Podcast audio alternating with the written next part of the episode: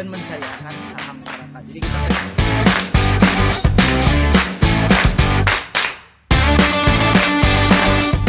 beda sama Jakarta kalau anak Bandung tuh eh, pasti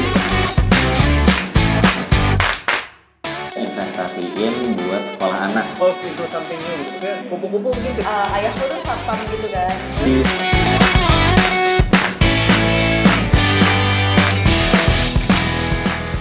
Selamat pagi, siang, sore, atau kapan pun waktu yang kamu pakai untuk dengerin podcast ini.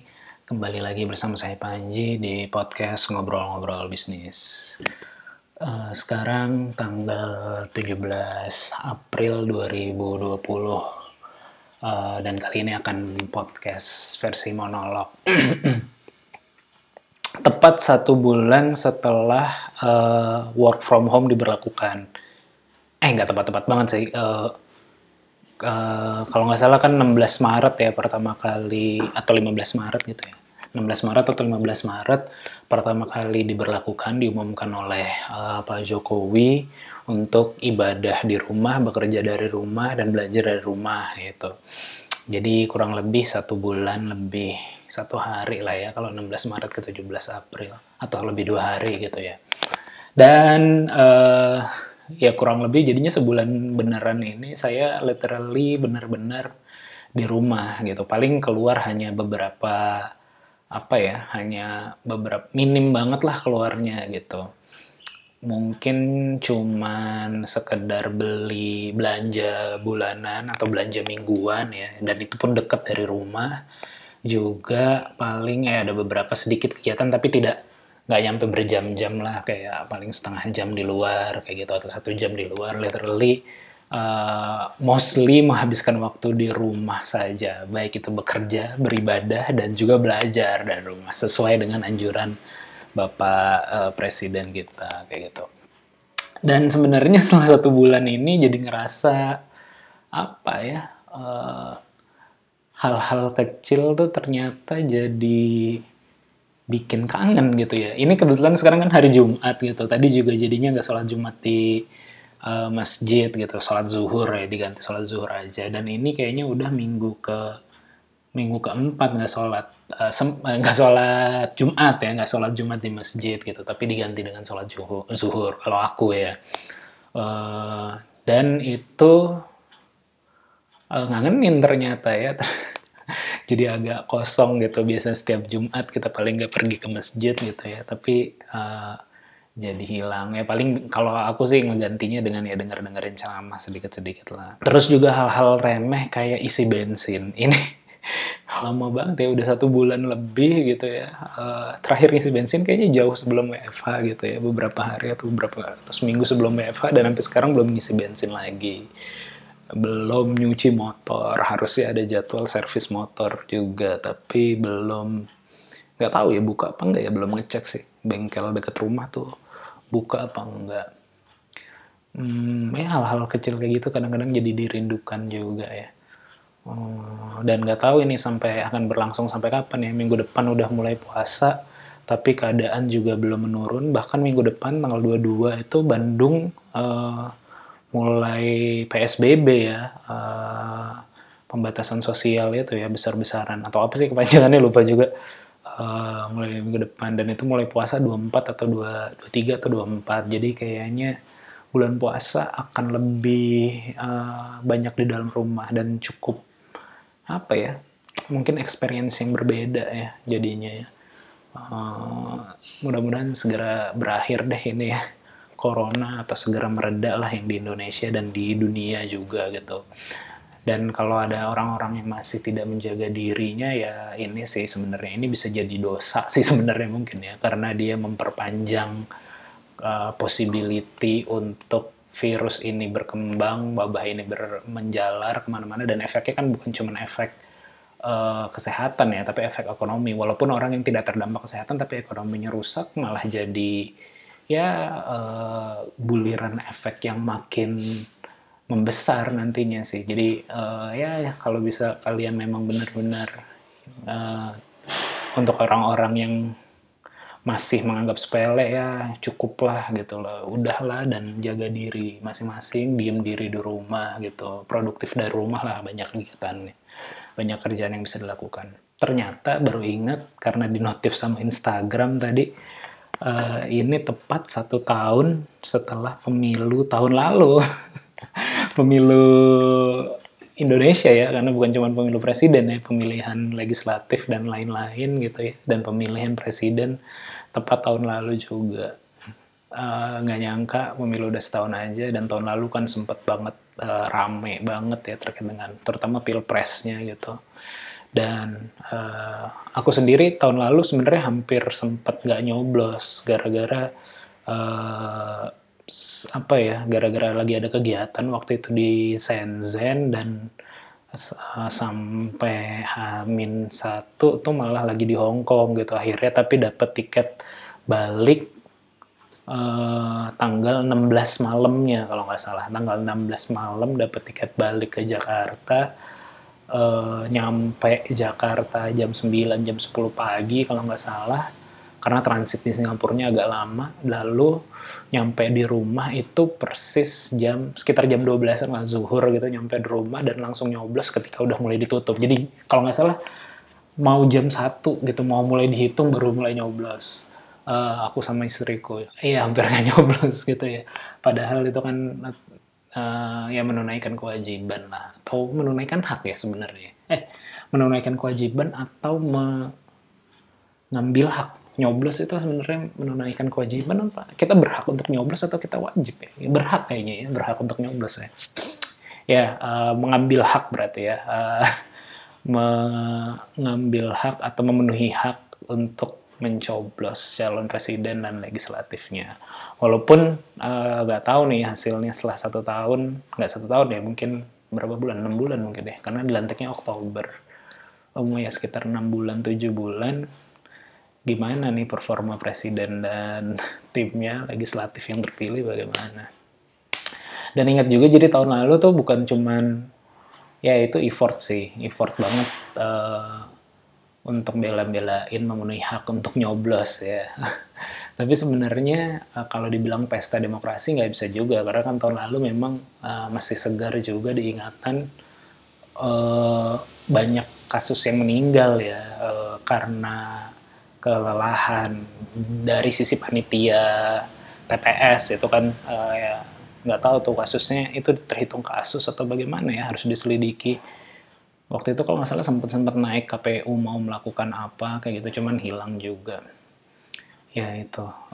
Ya intinya sih jadinya ini udah satu bulan WFA satu tahun pemilu dan belakangan jadi kepikiran-kepikiran hal yang aneh-aneh juga gara-gara udah satu bulan di rumah ini ya. Eh, salah satunya ya ini aja sih sekedar apa ya thought eksperimen lah ya kayak yang minggu lalu sempat aku bahas juga di monolog gitu ya eksperimen berpikir eh, tentang what if gitu atau kemungkinan-kemungkinan seandainya hal-hal lain eh, terjadi gitu Eh, dalam dalam banyak konteks sih. Mungkin yang paling eh, seru dibahas adalah ya dalam konteks wabah ini atau dalam konteks perpolitikan Indonesia ini atau pemerintahan Indonesia yang dalam menghandle kasus ini tidak begitu belum begitu baik lah kalau aku nilai ya.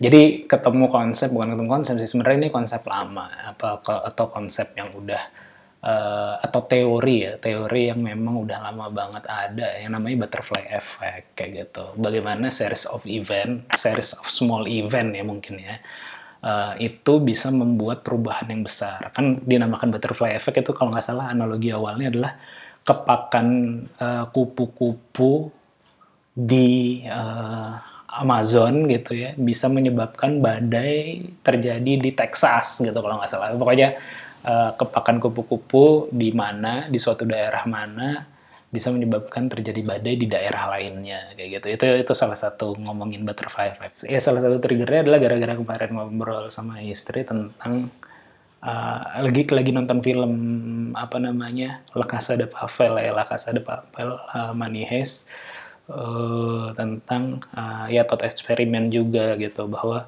"Eh, lo kalau kayak kita ngobrol gitu atau dia nanya ke aku kalau kalau kamu jadi eh, apa namanya eh, apa sih namanya korban ya atau jadi Sandra yang di situ milih mana milih kabur apa milih ah, bergabung dengan penjahatnya kayak gitu gitu. Nah terus jawaban aku ternyata cukup eh, berbeda dengan dia dan karena dan menurut dia itu salah karena tidak memenuhi norma-norma yang ada. Cuman eh, aku jawabnya dalam konteks ya ini kan eksperimen pemikiran ya. Harusnya ketika kita eksperimen ber- berpikir eksperimen pemikiran tidak terbatas pada norma-norma yang kita yakini atau norma-norma yang kita eh, pegang gitu. Eh, tapi ya bebas aja gitu dalam. Karena kan cuma eksperimen berpikir bukan tindakan sebenarnya yang akan kita lakukan. Dan dalam konteks ini juga eh, mungkin nanti eh, dalam dalam konteks ini juga mungkin begitu gitu. Eh, jadinya apa yang ya ini hanya sekedar eksperimen berpikir aja gitu. Apa yang mau aku omongin ke depan nah balik lagi ke butterfly effect tadi ya bagaimana uh, efek kupu-kupu ataupun bagaimana kepakan sayap kupu-kupu bisa mempengaruhi sebuah uh, da- dapat membuat terjadinya sebuah badai di daerah lain kayak gitu. Ini sebenarnya konsep yang menarik atau te- teori yang menarik gitu karena ini adalah sesuatu yang non linear ya. Uh, aku tidak membaca teorinya secara benar ya atau landasan teorinya benar tapi lebih banyak dipengaruhi oleh uh, fiksi sebenarnya ya kayak di film film Butterfly Effect di mana kalau ada suatu kalau nggak salah uh, tokohnya atau tokoh utamanya kembali ke masa lalu dan merubah sesuatu lalu terjadi guliran uh, Butterfly Effect yang uh, guliran kejadian atau uh, series of event berikutnya mempengaruhi masa depan dia. Uh, bahkan film uh, time travel yang uh, populer uh, yaitu uh, apa namanya uh, go apa uh, Back to the Future itu juga kayak gitu kan ketika dia kembali ke masa lalu merubah sesuatu ke- hal yang kecil hanya sekedar memberi uh, majalah uh, apa namanya majalah uh, judi gitu ke orang mudanya ternyata masa depannya jadi berubah kayak gitu. Lebih banyak dipengaruhi oleh fiksi sih tapi tidak tidak membaca landasan teorinya. Atau sebenarnya kalaupun uh, apa namanya ya fiksi lainnya juga yang cukup menarik adalah film apa eh, 112263 ya 22 November tahun 63 eh, yang diangkat dari bukunya Stephen King eh, yang menggambarkan eh, apa ya per- tokoh utama di film tersebut kembali ke masa lalu dan ingin mencegah pembunuhan Kennedy. Tapi ternyata ketika dia kembali lagi ke masa depan, masa depan yang sangat berbeda yang ditemui gitu, bukan bukan harapan terhadap eh, kebaikan dengan mencegahnya terbunuhnya Kennedy, tapi ternyata eh, pencegahan pembunuhan terhadap Kennedy menyebabkan apokalips atau menyebabkan eh, apa ya macam-macam hal yang negatif lah yang terjadi di masa depan kayak gitu. Akhirnya dia coba kembali lagi dan membenarkan lagi gitu. Eh, apa ya kalau dalam fiksi sih membahasakan eh, butterfly effect seperti itu gitu kebanyakan.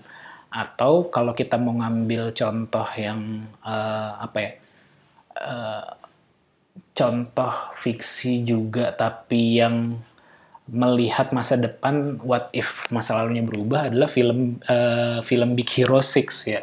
Film Big Hero 6 ini ya, ini teorinya juga ya apa fans teori mungkin ya atau aku juga nggak tahu apakah ini dibenarkan oleh produser atau sutradara Big Hero 6. Cuman Big Hero 6 itu terjadi di universe yang yang aku, yang ini ya, yang aku baca sempat baca Big Hero 6 itu terjadi di universe di mana eh, pemenang perang dunia kedua adalah Jerman, Jepang, dan Itali kayak gitu ya. Eh, jadi bukan Amerika, tapi eh, Jerman dan Jepang pemenang Perang Dunia Kedua kayak gitu.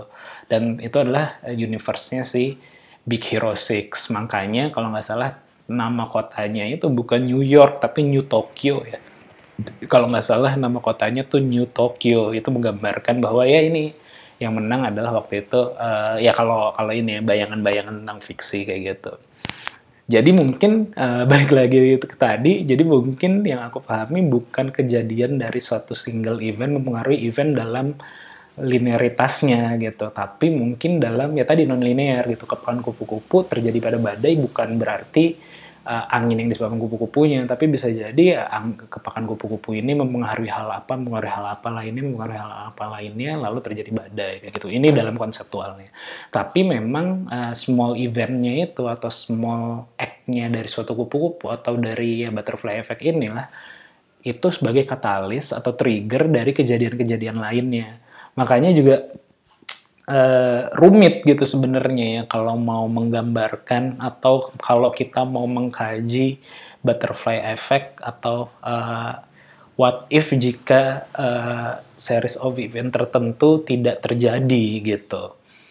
Eh, ada salah satu waktu itu pernah nonton filmnya Sheldon Cooper ya, eh, eh film filmnya Big Bang, eh, film series ya Big Bang Theory. Salah satu karakternya ada namanya Sheldon Cooper di sana. Dia eh, ciptain game kalau nggak salah ya, atau dia main game sama pacarnya eh, di film tersebut, Amy gitu. Dia main game what if gitu lah, what if atau tentang eh, apa ya? ya what if lah ya aku lupa nama gamenya apa tapi dia dia salah satu salah satunya misalnya kalau eh, salah satu apa contoh gamenya adalah gini misalnya si Sheldon nanya ke pacarnya eh, seandainya eh, tidak ada pohon kelapa eh, lalu apa yang terjadi kayak gitu gitulah ya jadi nanti si pacarnya menjawab oh nggak adanya pohon kelapa tuh menyebabkan eh, unggas atau eh, hewan apa hilang hewan apa hilang ini men- menyebabkan eh, tidak adanya minyak, tidak adanya minyak menyebabkan ini ini ini. Jadi jadi jadi panjang bukan semata-mata terjadi eh, dalam suatu apa ya? Dalam suatu kalau kita ngomongin grafik grafik yang linear lah kayak gitu tapi banyak banget mungkin variabelnya gitu Nah, sebenarnya banyak banget ya yang bisa di eh, di what if kan atau banyak banget yang bisa diandaikan jika something not happen atau something else happen gitu. Salah satu contoh yang paling ekstrim adalah terjadinya bom atom di Hiroshima dan Nagasaki gitu. Aku pernah baca ternyata di Hiroshima itu, eh di Nagasaki-nya itu eh, tadinya pilihan kotanya Hiroshima dan Nagasaki, eh, bukan Hiroshima dan Nagasaki gitu. Hiroshima iya, Hiroshima sudah dibom terlebih dahulu, tapi ketika mau ke pengeboman kedua ke Nagasaki, eh, tujuan awalnya bukan Nagasaki, tapi kota lain, eh, Kuroko apa-apa gitu namanya di Jepang. Dan warganya udah bersiap, udah berlindung di shelter dan segala macam. Tapi ternyata eh, ada suatu kejadian di mana pilot yang membawa bom atom tersebut atau kejadian atau cuaca pada pada saat itu di langitnya eh, Kuroko atau kota tujuan awalnya itu mendung atau berkabut lah atau berawan gitu. Dan jadinya eh, hampir dibatalkan tapi akhirnya diputuskan ke kota terdekat dan jatuh dijatuhkan di Nagasaki yang kebetulan waktu itu cerah kayak gitu. Jadi nah bayangkan jika jika itu tidak terjadi gitu jika eh, ternyata pada saat itu langitnya cerah Eh, ya mungkin banyak lagi efek yang bisa ditimbulkan dari itu gitu. Butterfly effect-nya mungkin akan berbeda banget bisa jadi gitu. Bisa jadi yang selamat lebih banyak bisa jadi paling simpel ya kita mengenangnya tidak lagi dengan Hiroshima dan Nagasaki tapi Hiroshima dan Kuroko kayak gitu. Itu banyak banget dan sulit ya sulit digambarkan gitu lalu misalnya contoh yang ekstrim juga yang sering juga eh, ini jokes jokes juga sih atau nggak tahu beneran apa enggak ya. Kalau ngelihat si pidatonya Jack Ma Jack Ma kan sering ngomong eh, dia ditolak apa namanya ditolak daftar KFC atau daftar McD gitu di Cina dari 24 karyawan eh, eh dari 24 orang yang apply 23 diterima kecuali dia gitu. Nah itu kan nggak tahu itu jokes bener. Tapi what if gitu ya seandainya eh, Jack Ma diterima jadi bagian dari 23 itu gitu. Apakah sekarang nggak ada Alibaba kayak gitu kan? Atau eh, ada juga cerita eh, Hitler ketika masa mudanya itu dia sempat apply eh, sekolah di Vienna tentang arts kayak gitulah tentang seni gitu fine arts kalau nggak salah. Dia apply di Akademi Fine Arts di Vienna. Dua kali apply ditolak oleh profesor yang sama dan kebetulan profesornya Yahudi gitu. Jadi what if kalau Hitler pada saat itu diterima mungkin dia tidak tidak jadi eh, pemimpin Jerman atau pemimpin Nazi gitu kan dan tidak membantai orang Yahudi. Nggak tahu apakah kejadian dia ditolak profesor Yahudi itu jadi trigger dia dalam mengambil keputusan untuk membantai Yahudi atau tidak gitu. Tapi uh, ya kita nggak tahu gitu loh. Karena tadi ya non linear kita tidak bisa ngebaca bener-benernya kayak gimana. Atau yang baru-baru aku tonton juga ini kayak kasusnya Chernobyl gitu. Chernobyl kan juga kalau ngelihat di filmnya ya yang film serinya di uh, apa namanya uh, di HBO itu uh, series of event terjadinya ledakan Chernobyl itu karena uh, apa namanya ya karena yang kejadian pada pada hari H adalah misalnya salah satu ekstrim pada hari H gara-gara ada penundaan eksperimen yang mereka lakukan. Misalnya kalau eksperimennya nggak ditunda apakah itu tidak terjadi ledakan kayak gitu? Atau bagaimana? Atau jauh sebelum itu ternyata misalnya Rusia tidak melakukan kebohongan publik uh, bahwa tombol kalau ada yang uh, referensinya belum ini buat yang dengerin kalau yang referensinya uh, apa namanya yang butuh referensi lebih lanjut mungkin bisa sambil googling juga ya film-film yang saya sebutin ataupun kejadian-kejadian uh, yang saya sebutin gitu ya.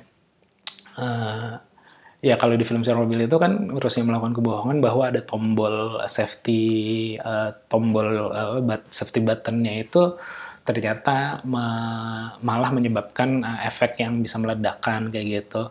Seandainya nggak bohong mungkin itu bisa nggak terjadi. Jadi, tapi itu andai-andainya kayak gitu lah. Dan juga ini juga andai-andainya gitu. Andai-andai misalnya kaitannya dengan pemilu ataupun kejadian pemilu tahun lalu atau kejadian pemimpin apa pemerintahan pada saat ini yang kurang baik dalam menangani corona di Indonesia. Bagaimana kalau tahun lalu bukan Jokowi yang menang kayak gitu. Mungkin series of event ini jauh sebelum itu ya apa efeknya. Mungkin bagaimana kalau pada zaman dahulu, bukan pada zaman dahulu, pada zaman uh, pilkada Jakarta Prabowo tidak memilih Jokowi sebagai apa namanya sebagai calon gubernur Jakarta pada waktu itu gitu mungkin di 2019 atau bahkan yang lebih dulu lagi di 2014 Prabowo nggak punya lawan Jokowi mungkin. Tapi ya kita misalnya ambil simpelnya di tahun lalu, kalau tahun lalu misalnya uh, bukan eh, Jokowi yang menang ya mungkin kandidat terbesar adalah Prabowo yang menang. Ya ini ekot eksperimen aja gitu dan lucu-lucuan aja.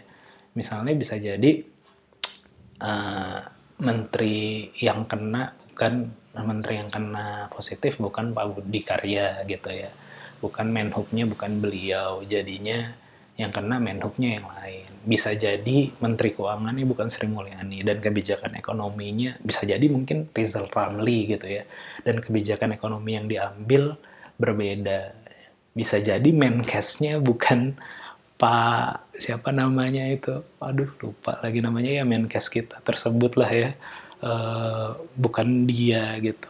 Dan mungkin bisa kejadiannya berbeda tapi bisa juga sama gitu bisa aja sama bisa aja menkesnya Prabowo ya orangnya begitu juga. Bisa juga uh, Menteri Keuangan ini mengambil kebijakan yang sama. Bisa jadi tetap Menteri Perhubungan yang kena juga gitu.